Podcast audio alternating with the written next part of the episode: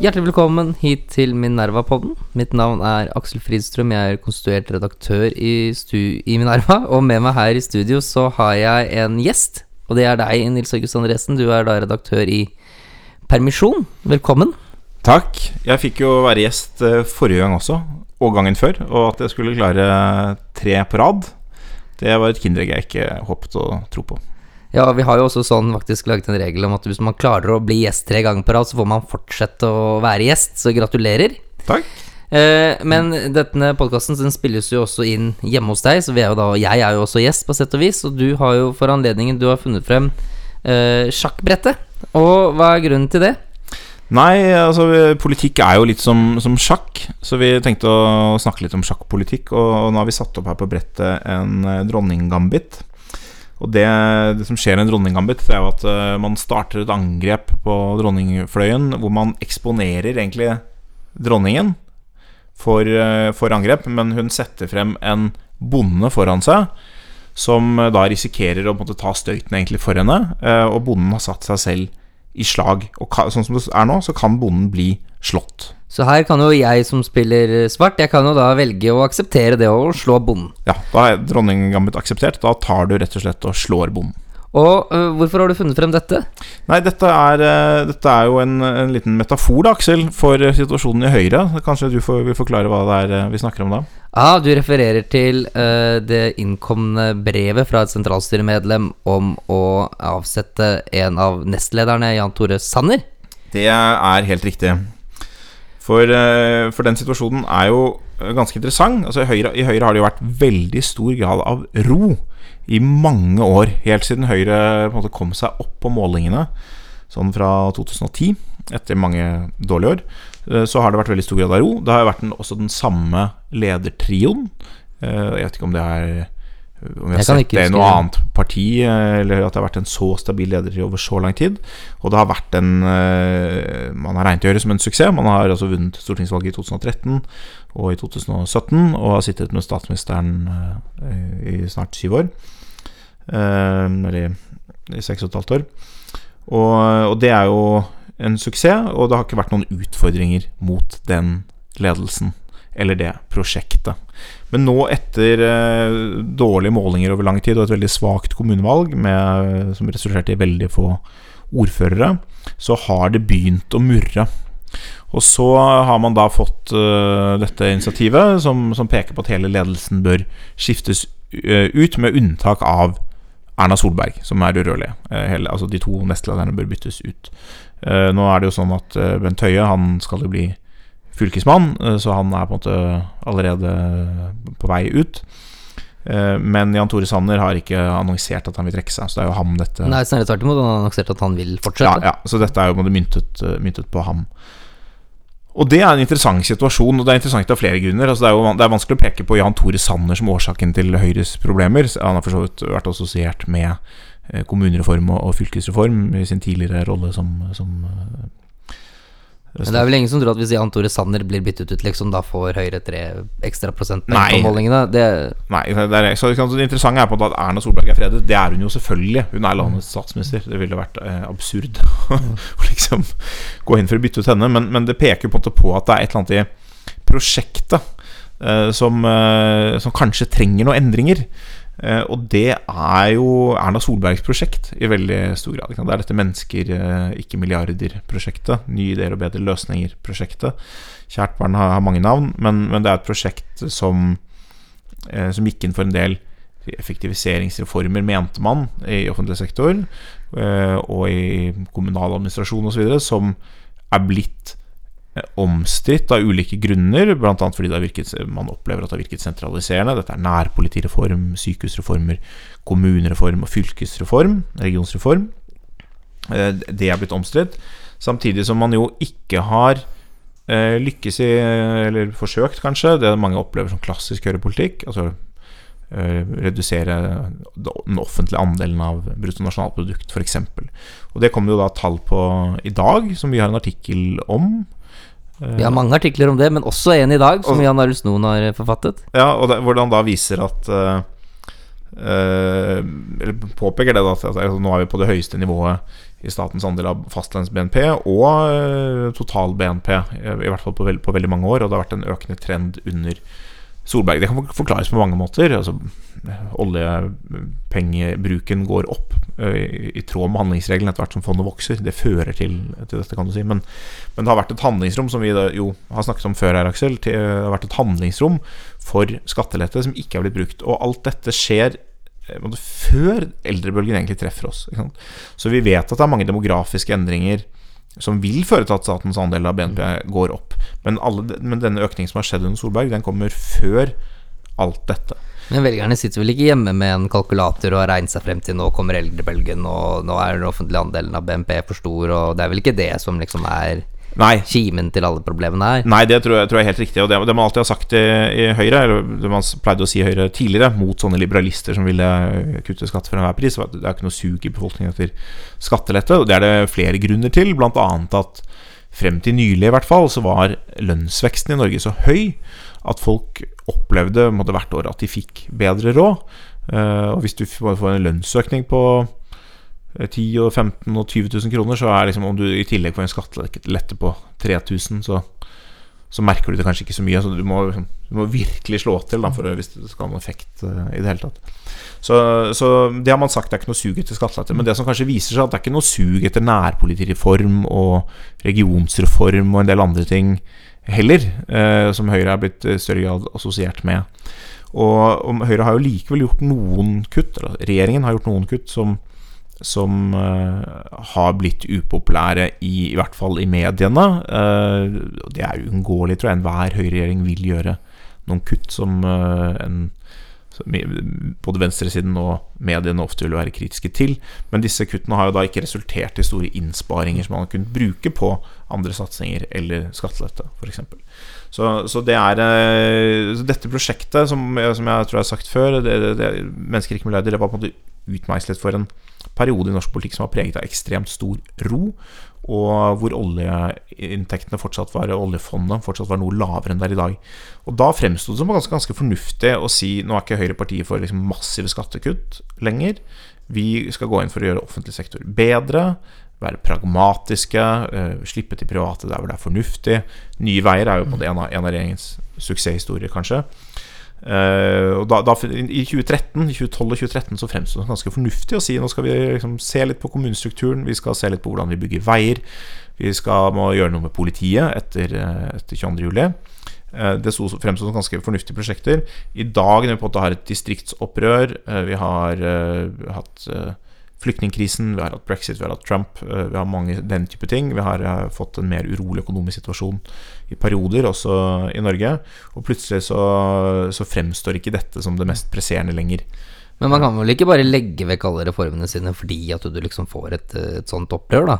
Eller. Det, det, blir jo veldig sånn uh, Ja, ja, nei, det, på mange måter så kunne man si uh, noen av disse reformene burde kanskje gått lenger, når, når, de først skulle koste uh, måtte, mye oppslutning, altså, burde man kanskje redusert kommunen jo, fått til en ordentlig effektiv kommunestruktur istedenfor å redusere litt her og litt der gjennom folkeavstemninger som gir motsidende resultater. Og, sånn. Men man kan ikke måtte, reversere alle disse tingene nå. Det er jo kostnadskrevende og, uh, og uklokt på mange måter. Men, uh, men grunnen til at jeg sier alt dette her, det er at det, på mange måter så har mange av disse ideene har, De har ikke nødvendigvis vært gale, men de har på en måte løpt linen ut. Mm. Det er ikke noe videre vei i den retningen nødvendigvis. Så da må det komme en eller annen fornyelse, og så er spørsmålet hvordan partiet skal klare det. Uh, og det En partileder kan også fornye seg, selvfølgelig. Så kanskje Erna tar, tar spennende initiativer som ingen av oss har Eh, forventet, eh, eller kanskje nye personer kommer inn. Men eh, nå er jo, når det har vært så stor stabilitet i lang tid, så er det veldig mange av de sentrale folkene i Høyre som har vært en del av dette prosjektet. Så det blir, det blir en av Høyres store utfordringer frem mot valget i 2021. Det er å fornye seg. Og det er ikke så lett når man sitter i regjering. Så det blir spennende å følge med på det. Og jeg har en, en, litt egen hypotese også om, om, dette, om jeg kan få tillate meg å utlede. Og det er at jeg tror at eh, Høyre og mange av Høyres tillitsvalgte De er veldig opptatt av å være et forvaltningsparti. Å være flinke forvaltere og lytte på råd fra departementene og fagfolk. Og, og de som kommer med, med, innspill og ønsker å drive gjennom reformer. Mm. Eh, Men det som er en felle å da gå i, er at man ikke ser på hva er summen av alle reformene. Altså, du kan jo ha eh, mange reformer, 10-20-30 reformer som isolert sett, hvis du bare gjør den reformen, er veldig bra, men hvis du gjør alle sammen samtidig, så vil du få problemer. Og det som jeg delvis tror har skjedd, da, at over tid i norsk forvaltning, også under den rød-grønne regjeringen, så har det bygget seg opp et sånt reformønske i forvaltningen, men hvor disse reformene ofte stanses da av politiske hensyn, si f.eks. av Senterpartiet eller SV eller de, de, de, partiene som ofte er litt sånn bremser på den type reform. Og når det da disse høyrepolitikerne kommer, da, som er opptatt av å lytte på disse rådene, så blir de sittende med en sånn enorm backlog da, på reformer, som gjør at de gjør veldig mange reformer på en gang. Mm. Eh, og da får du selvfølgelig også uunngåelig en, en, del motstand mot dette. Og du vil jo se at det, eh, ikke engang alle disse reformene er nødvendigvis politiske vedtatte reformer, men det er ulike reformer som det skjer en del reformer i Nav-systemet, f.eks. Legger ned et kontor der og flytter og sånn, uten at det nødvendigvis er et eksplisitt politisk vedtak. Men når alle de tingene skjer samtidig, så kan det jo helt fint komme i situasjoner der hvor det er enkelte kommuner sant, som bare plutselig så misser halvparten av arbeidsplassene borte, f.eks. Og da vil jo de selvfølgelig reagere på det. Det er jo ikke noe rart. Nei, altså Men de isolerte reformene kan jo være helt fine. Altså Det du sier, er på en måte at du er en kommune som uh, først så blir den tvangssammenslått, og så mister den sykehuset, og så mister den uh, lensmannen, og så legger Nav-kontoret ned, og så føler man at man på det er forlatt ja, av politikerne og staten. Det, det, tror jeg absolutt kan ha, ha ganske mye for seg. Det, det er jo forstått det den tilbakemeldingen eh, ordførerne de, de få gjenværende ordførerne i Høyre kommer med. Ikke sant? Reformtretthet, nå må vi stoppe opp. Mm. Men det er som du sier, at mange av disse reformene er isolert sett Fornuftig ofte. Ja, de har i hvert fall, et, en for, forståelig og fornuftig bakgrunn. Og så er det alltid spørsmål hvordan man gjennomfører og sånn. Så, så løsningen for Høyre er jo aldri å bli på en måte mot reformer og videreutvikling, men det er sånn å se ting i, i sammenheng. Det det må være fornuftig. Men vi, eh, vi, skal se ting i en enda større sammenheng, for jeg tror vi skal gå litt videre her, Aksel. Ja, det neste temaet det er klimatoppmøtet i Madrid. Og der har vi også vært så forutseende at i den siste utgaven av vårt kvartalskriskrift, så er det klima som er tema, eh, under overskriften 'Klimakrisen kan løses'. Og eh, det fineste du kan gjøre i julen, selvfølgelig, det er å lese disse artiklene. Eh, det kan du enten gjøre ved å tegne et abonnement, eller ved å gi det bort i julegave. Det kan du gjøre for 499. Men hvis du ikke har muligheten til å gjøre noen av de tingene, eller er litt ekstra nysgjerrig på hvorfor akkurat dette er relevant for deg, hva, hvorfor bør folk lese disse artiklene, Nils August, eller hva er det vi vil frem til? Nei, altså det vi, det vi sier er jo klimakrisen kan løses. Og jeg syns det er et litt viktig budskap, fordi man får jo ofte et motsatt budskap. At det, det, det, kan ikke løses, og alt går gærent. Samtidig så er veldig mye av det vi krangler om i den norske klimapolitikken, det er eh, jo tiltak som ikke er egnet til verken å løse klimakrisen eller å ødelegge klimaet. Så det er relativt eh, små tiltak i en global målestokk. Og klimakrisen er global. Og, det, Hvis vi går 10-15 år tilbake, så snakket vi nok mye mer globale løsninger. Men det som skjedde etter hvert, det var jo at de globale rammeverkene man ønsket seg, de fungerte ikke så godt. Altså Kyoto-avtalen og, og, andre ting. Og man forsøkte å liksom ha toppmøter, sånn som det toppmøtet der i Madrid. Verdenslederne, verdenslederne skulle komme sammen og løse dette gjennom politisk forpliktende vedtak. Det har man ikke lykkes med. Og eh, som en erstatning da har man begynt å snakke om lokale tiltak. Fordi all politisk handling skjer lokalt. Utføringen er selvfølgelig at eh, det, det er fortsatt sant at uh, norske tiltak isolert sett ikke gjør spesielt mye. Så den eneste måten man kan rettferdiggjøre på, er å si uh, ja, vi går foran med et godt eksempel, eller vi får til holdningsendringer og sånn. Jeg er ikke imot at folk flyr mindre. Kanskje kan det bidra til Eh, annen holdningsbølge globalt hvor det er den vestlige verden hvor folk flyr mindre. Ære være dem for det. det. Det, er fint, det er positivt. Men eh, det skal veldig mye til at den type tiltak løser klimakrisen. Og som vi snakket om forrige gang her, Aksel, så er det mange Når man prøver å gjøre den type ting politisk, altså når man sier sånn nå skal vi ha kjøttfritt julebord Universitetet i Bergen, eller bare eh, endre defaulten på, på julebordene i Oslo, så skaper man en motreaksjon av folk som bare blir veldig provosert over disse tiltakene. Og det er på en måte ikke så veldig rart, fordi man, man gjør da klimapolitikk om til symbolpolitikk, hvor man iverksetter en masse tiltak som ikke i seg selv bidrar noe spesielt til å løse den globale klimakrisen. Det vi sier her, det er klimakrisen kan løses. Og hva er det vi ser på da? Da eh, ser vi på hva, hva, er det globale spørsmålet? Det globale spørsmålet er i veldig stor grad eh, at man forbrenner fossil energi. Og, det å løse klimakrisen globalt, det betyr å erstatte den fossile energien med noe annet. Det er, det er selvfølgelig andre ting også. Eh, skog og landbruk og sånn. Men dette er, eh, dette er, vårt fokus nå. Og det å erstatte disse utslippskildene, det betyr to ting. Det betyr å elektrifisere alle typer prosesser der man forbrenner uh, sånn energi. Altså bil, båt, fly, industriprosesser. og så betyr det å gjøre den elektrisitetsproduksjonen CO2-fri. det er liksom en hovedløsning på klimakrisen. Eh, og For å få til det, eh, så må, Norge tenke litt annerledes enn det vi ofte er vant til å gjøre i den hjemlige debatten. Hvor vi tenker at det å få noen til å bruke mer enn noe, da må man ha riktige skatter, subsidiere dem. Vi er veldig glad i å subsidiere folk for at de skal gjøre det vi vil. Ja, Eventuelt avgiftsbelegge. Eller avgiftsbelegge. Ja. Um, og Det er sånn vi på en måte gjør i Norge. Og så krangler vi om når vi når, når vi våre utslippsmål. Kan vi putte på noe mer skatter der? Kan vi ha noe mer bompenger? Eh, som gjør at folk bruker mindre fossil bil. Eh, kan vi ha høyere avgifter på disse bilene osv. Det kan selvfølgelig bidra til å gjøre noe med norske utslipp, men norske utslipp er en promille av eh, de globale utslippene. Det har veldig, det har veldig liten betydning.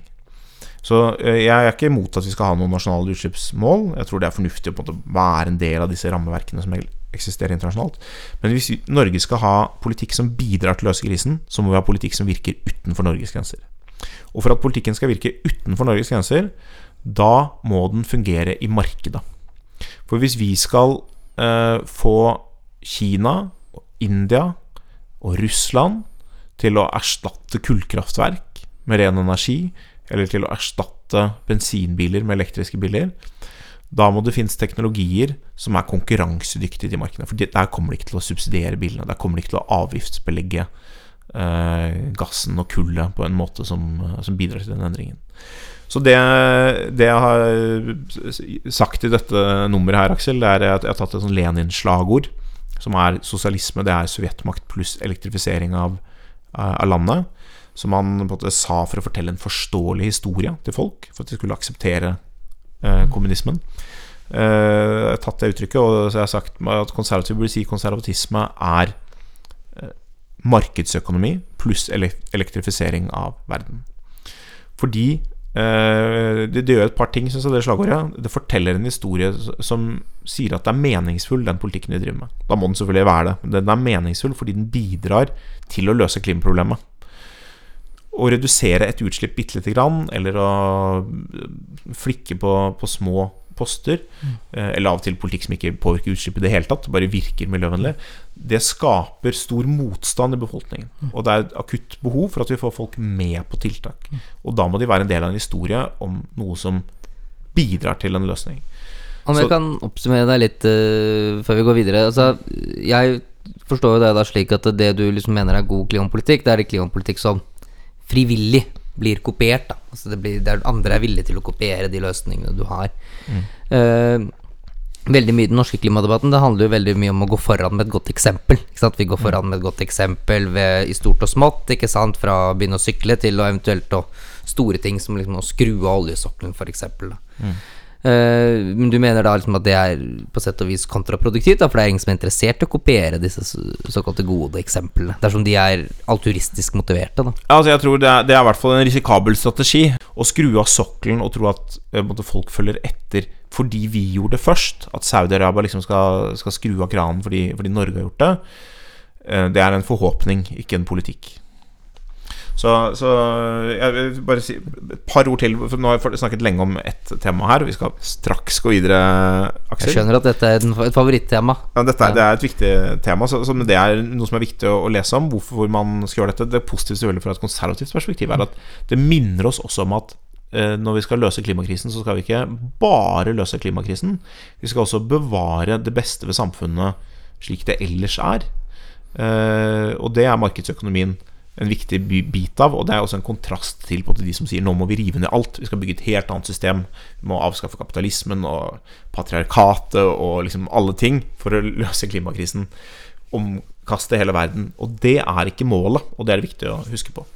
Så er det også i dette nummeret litt eh, morsomme ting om hvordan man kan trekke CO2 ut av atmosfæren, og andre ting som faktisk kan være Geoengineering, som det heter. ja, geoengineering, som kan være løsninger. Og det er, eh, jeg tror at det er et budskap, det å, å se etter løsningene, eh, sånn som de kan fungere i global målestokk, og så tenke hva er det Norge egentlig kan gjøre?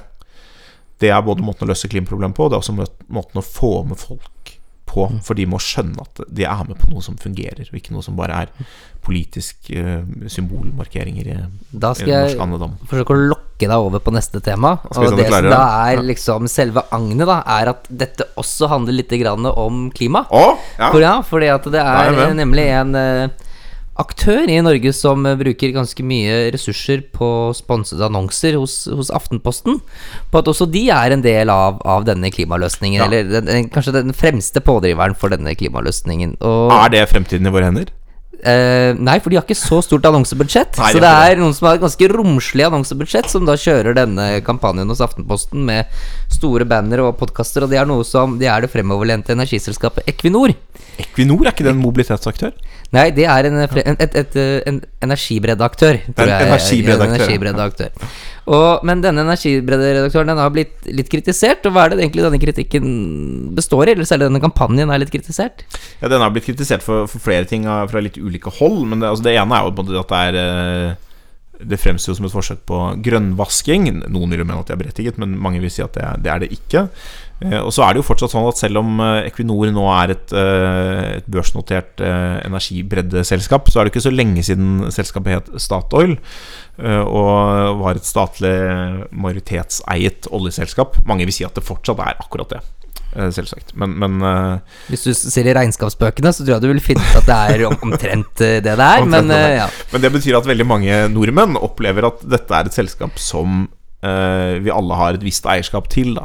Og det man gjør her altså, du kan si en, en, Selv om man er majoritetseier av staten, så kan man selvfølgelig gå ut eh, mot, mot norsk politikk eh, om, man, om man ønsker det eh, i offentligheten. Og i dette tilfellet så i, det, det Equinor gjør, er jo egentlig å argumentere for omtrent det som er norsk politikk. Altså at eh, norsk oljeutvinning er liksom en del av fremtidens klimamiks og en del av klimaløsningen og, og sånn. Men det er veldig omstridt eh, politisk. Ikke sant? Så, at en, så at et eh, majoritetsstatlig eiet selskap går inn i en så politisk betent debatt med et så stort annonsebudsjett som man åpenbart har her, som gjør at det både minner litt om eh, propaganda politisk propaganda, det er, eh, det er litt nytt. Og så I tillegg til det så har man jo brutt ned noen Brutt ny, mark eh, i, i hvordan betalt innhold er. I tillegg til at man har veldig mye betalt innhold med profesjonelle reportasjer og videoer og sånn, så har man også hatt da samarbeid med Aftenposten om denne podkasten Forklart. Og det, det, har, det er nytt, da. Så, så ja, det har jo vært kritikken. ja. Jeg har jo også noen, noen tilføyelser til dette, eller det, det er liksom i mine betraktninger med dette, er jo egentlig at dette, dette Equinor er egentlig et et, et, et veldig veldig dårlig drevet selskap. Og denne kampanjen er egentlig et, uttrykk for at det selskapet er, er ganske dårlig drevet. For at jeg tror at det Hva mener du med det? Nei, det, jeg, den, egentlig den, den virksomheten som de egentlig holder på med, den består egentlig av tre ting. Den består av leting, som er å finne, er også å finne olje. Henting, som er å få det opp. Og tillatelse, som er å få politisk tilslutning om å holde på med dette. Og øh, hvis du skal ha et selskap som gjør de tre tingene, så er det perfekte navnet på det selskapet, det er Statoil. Det er, det helt perfekt navn. Fordi at det én, det er beskriver hva kjernen av virksomheten er, som er olje. Og to, det beskriver hvor pengene kommer hen, som er til staten. Og det er populært. Altså De aller fleste ønsker at staten skal ha inntekter, fordi de etterspør offentlige tjenester. Eh, og det Statoil har gjort, med, eller Equinor da, som det nå heter, er at de har distansert seg fra befolkningen ved å liksom velge å være noe helt annet, noe som er mer diffust, transparent, og folk ikke får helt taken på det. Og så forsøker man liksom å kompensere for det med et sånt enormt annonsebudsjett. Men det de egentlig skulle ha gjort, hvis de ønsket å minimere den politiske risikoen, er jo å ha, forsøke å ha flest mulig berøringspunkter med folket. Og den ene er jo da selvfølgelig bare å hete Statoil, slik at folk liksom får et inntrykk at dette er noe som bidrar til statskassen på et eller annet vis. og bidrar med helt konkrete penger til konkrete prosjekter i ditt nærmiljø, og ikke forsøker å løse liksom Vi kan løse hele, alle verdens energi- og miljøproblemer i fremtiden, som det egentlig ingen er som Selv om de kan komme med et bidrag, det er så lenge som ingen som tror på at det, liksom, det er hele løsningen. Uh, og det andre er jo at de uh, burde, burde, burde f.eks. sett verdien av det å ha bensinstasjoner, f.eks. Altså, nå har de jo solgt ut alle bensinstasjonene, det er jo lenge siden. Men det å f.eks. For, for en, en bedrift da, som Equinor, som har enorm politisk slagside og risiko, så er det jo en fantastisk ting f.eks. å kunne ha en butikk hvor folk kan komme inn og få en positiv assosiasjon til merkenavnet ditt, eh, uten at det er noe politisk brodd i det i det hele tatt. Ikke sant? Det er bare jeg etterspør denne varen. Jeg fikk det her, jeg hadde et lojalitetskort på kaffe eller et eller annet. Altså alle sånne mulige positive opplevelser som folk kan få på merkenavnet ditt, som er umulig å kritisere. Ekstraservice, det er Ja, skjell, det. Og a- alle, alle de tingene, de har de nå tatt vekk. Og nå forsøker de liksom å bygge et eh, Å gjenskape det de egentlig har ødelagt, men det får de ikke til. Nei, og det er eh, interessant når flere av disse statlig majoritetseide eller heleide forvaltningsselskapene går inn i liksom denne markedsføringsbransjen. Og de har jo antagelig de dyreste og de beste kommunikasjonsråd, men det er, det er veldig ofte at veldig mange av oss føler at de ikke treffer. Vi har, forrige gang snakket vi om Bane NOR og, og, og Vy, som har blitt utsatt for samme kritikk. Og denne gangen Equinor. Så kan det selvfølgelig hende, det, det vet jo ikke vi her vi sitter, Aksel, at uh, all dette, dette enorme budsjettet i Aftenposten at det påvirker befolkningen, altså de vanlige leserne i Aftenposten, i den retningen Equinor ønsker. Det er mulig. Men det jeg tror i hvert fall for meg fremstår som veldig klart, det er at i den politiske klassen, som tross alt er en veldig viktig premissleverandør for de tillatelsene, om du vil, eller operasjonsrommet til, til Equinor, eh, der spiller dette veldig dårlig.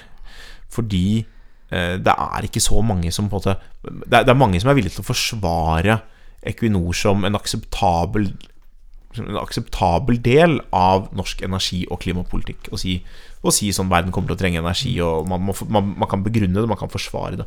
Men å, liksom, å si at dette, sånn som det fremstår når man leser Aftenposten, at Statoil nærmest er, noe, Equinor nærmest er noe som ble funnet på for å løse klimaproblemene, at vi pumper opp olje av hensyn, nesten utelukkende av hensyn til den fattige befolkningen i Bangladesh, det er det ingen som tror på, og da er liksom det er noe med sånn propaganda som folk ikke tror på, og alle vet at ingen, ingen tror på det, liksom. Det, det skaper en ekstra sånn følelse av falskhet som et litt traust selskap som Equinor, Statoil, ikke er tjent med, tror jeg.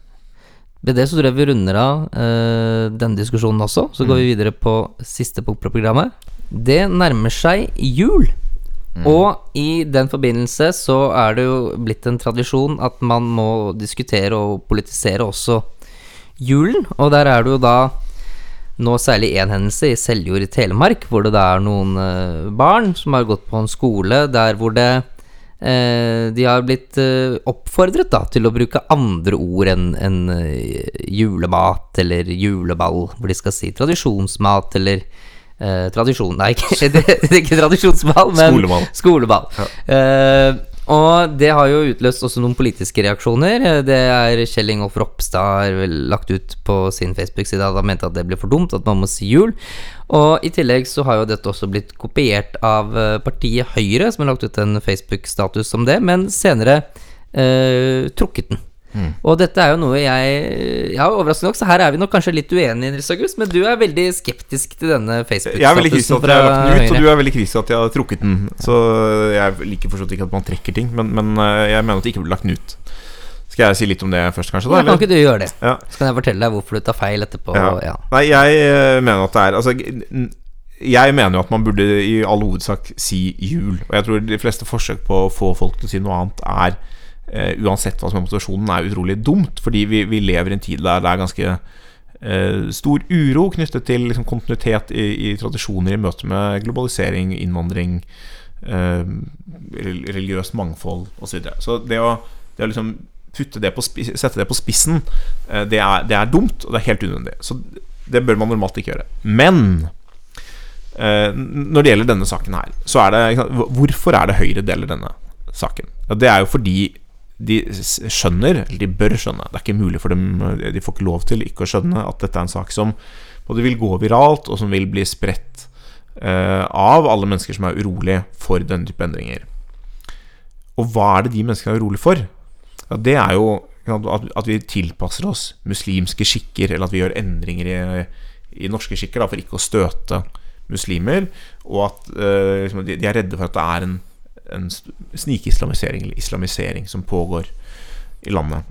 Uh, men så vidt vi vet, så har jo denne denne situasjonen i Seljord har jo ikke noe med Så vidt jeg vet i hvert fall ikke med muslimske elever. Det er ingenting det er noe med Det er faktisk.no har gått litt i materien ja, på det, og ja. de sier at det er litt sånn Jehovas vitner Ja, det ser ut som det er Jehovas uh, vitner. Det er elevene selv som ja. har tatt initiativ til det for å inkludere disse som ikke vil ha med, med jul. Ja, ikke sant. Så, så det Høyre både har, har gjort det, det, Dette visste sikkert ikke, de har sikkert ikke sjekket det. Så kan man diskutere hva som er verst. Men, men det de har gjort, da, det er å bruke en situasjon som egentlig folk ikke er ikke sant, Poenget er at det er viktig for folk å si jul, men det er ikke så viktig for folk å si jul. Eh, det som er viktig for folk, er å oppleve at uh, ikke liksom, et sett med kulturelle praksiser er truet av rask endring som vi ikke forstår omfanget av. At det er noen få Jehovas vitner uh, i Telemark, det er ikke en av de truslene som både ligger, ligger hos folk. da så, Men det Høyre har gjort, det er å få folk til å spre dette som om dette er, var Eh, et eksempel på snikislamisering. Og de har på en måte en sånn lik og del-aktig eh, deling av denne posten, hvor man jo på en måte oppfordrer til en ukritisk sånn å spille opp dette poenget. Her er det masse skumle muslimer som får oss til å endre praksis. Og det er Selv om det hadde vært muslimer, så hadde den måten å gjøre det på En ting er å prøve å finne ut hvordan man håndterer den type situasjoner, men den måten å gjøre det på, bruke et billig politisk poeng, det er kynisk. I dette tilfellet så er det jo altså ikke Det er ikke uh, tilfellet, ikke sant? Det er, det er, ikke muslimer som står bak, og da er det, uh, da er det dumt i tillegg til Altså Hvis man visste det, så er det bare enda mer kynisk. Man visste antagelig ikke, så da er det bare dumt og latskap og kynisk. Og det er på en måte noe Høyre ikke burde gjøre. At Frp gjør dette, det sånn er det. Det, det. det, vet vi at de gjør. At Ropstad gjorde det, det var litt overraskende. Eh, at Høyre gjorde det, det syns jeg var veldig skuffende. Ja, jeg, jeg, har nok et litt annet syn, for jeg mener at den eh, Og du, du bekrefter egentlig sånn mitt, eh, mitt narrativ om dette. For at jeg mener at reaksjonene på denne saken er liksom en, et tegn på at alt handler om islam. Også når det ikke handler om islam. Altså Her handler det ikke om islam, men likevel så blir jo folk blir jo helt rasende, både på mm. den ene og på den andre siden. Ikke sant? Dette går jo også viralt ikke sant, på Resett og Rights og Document og den type ting, som egentlig bare kunne vært slått sammen til et nettsted som heter 'Alt handler om islam', liksom. Og det, det er åpenbart at det blir lest i den konteksten. Uh, men det er, han gjør det jo ikke her. Men, men, men Høyre vel Høyre delte vel med den formodningen, tror du ikke det? Nei, jeg tror egentlig ikke det. Uh, jeg tror ikke de gjorde det, uh, men det må jeg nesten spørre dem om. Men ja. det blir jo en spekulasjon i hva som, er, hva som er deres motiver, da.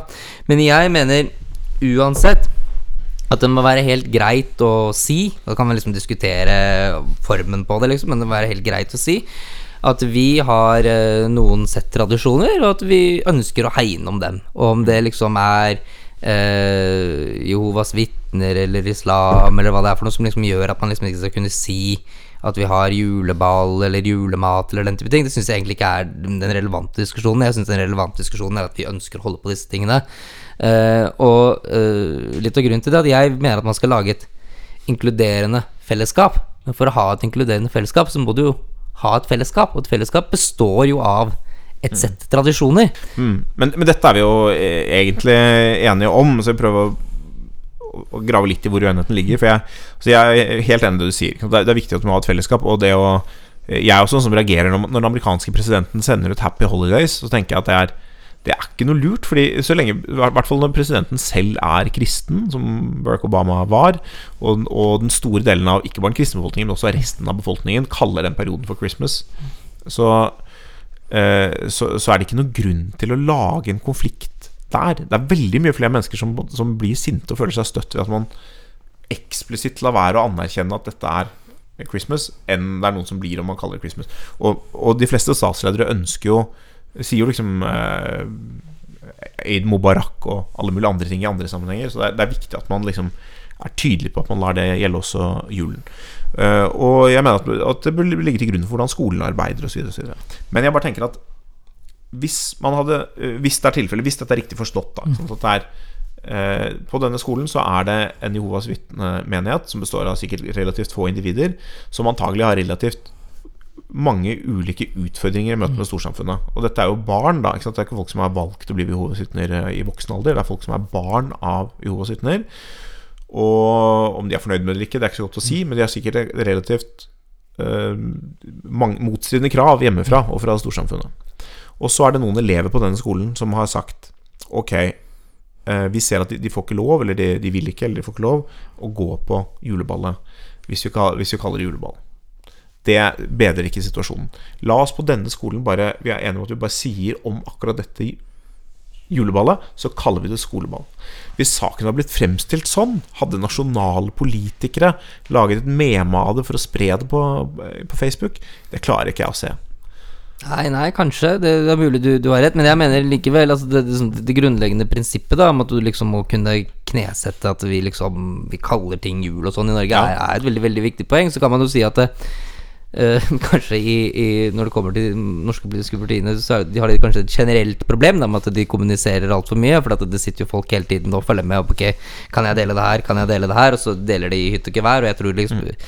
For å være helt tror jeg ikke det går inn en veldig lang analyse nei, nei. Inn, inn mellom hver post. Jeg tror mm. at det liksom er uh, fort og gærent. Så jeg, jeg, legger, jeg, tolker ikke uh, alt dette liksom denne voldsomme aggresjonen mot islam da inn, inn, i en sånn uh, Inn i det at de lager en sånn kommentar. Jeg tror at det er de som uh, kritiserer og analyserer dette utenfra, jeg tror at de, de overreagerer. Fordi at de leser motivasjon inn i det som man ikke kan vite om er der. Ja, Det tror jeg er riktig. Altså, jeg tror generelt sett, og både du og jeg har jobbet litt i, i politikken, Aksel, og generelt så er det å tiltro folk uh, strategier og analyser, det er ofte feil. Det, er, det, sitter noen der, og så er det en posten der, og så er det en, en person som gjør en vurdering kan denne bli likt og delt. Og noen ganger så er den vurderingen kanskje litt dårlig, men det er ikke sånn. Jeg er helt enig, han har ikke sittet og, eller hun har ikke sittet og gjort en sånn stor analyse. Skal Høyre nå kaste seg på en Frp-bølge? Det er en sånn Man har gjort en handling.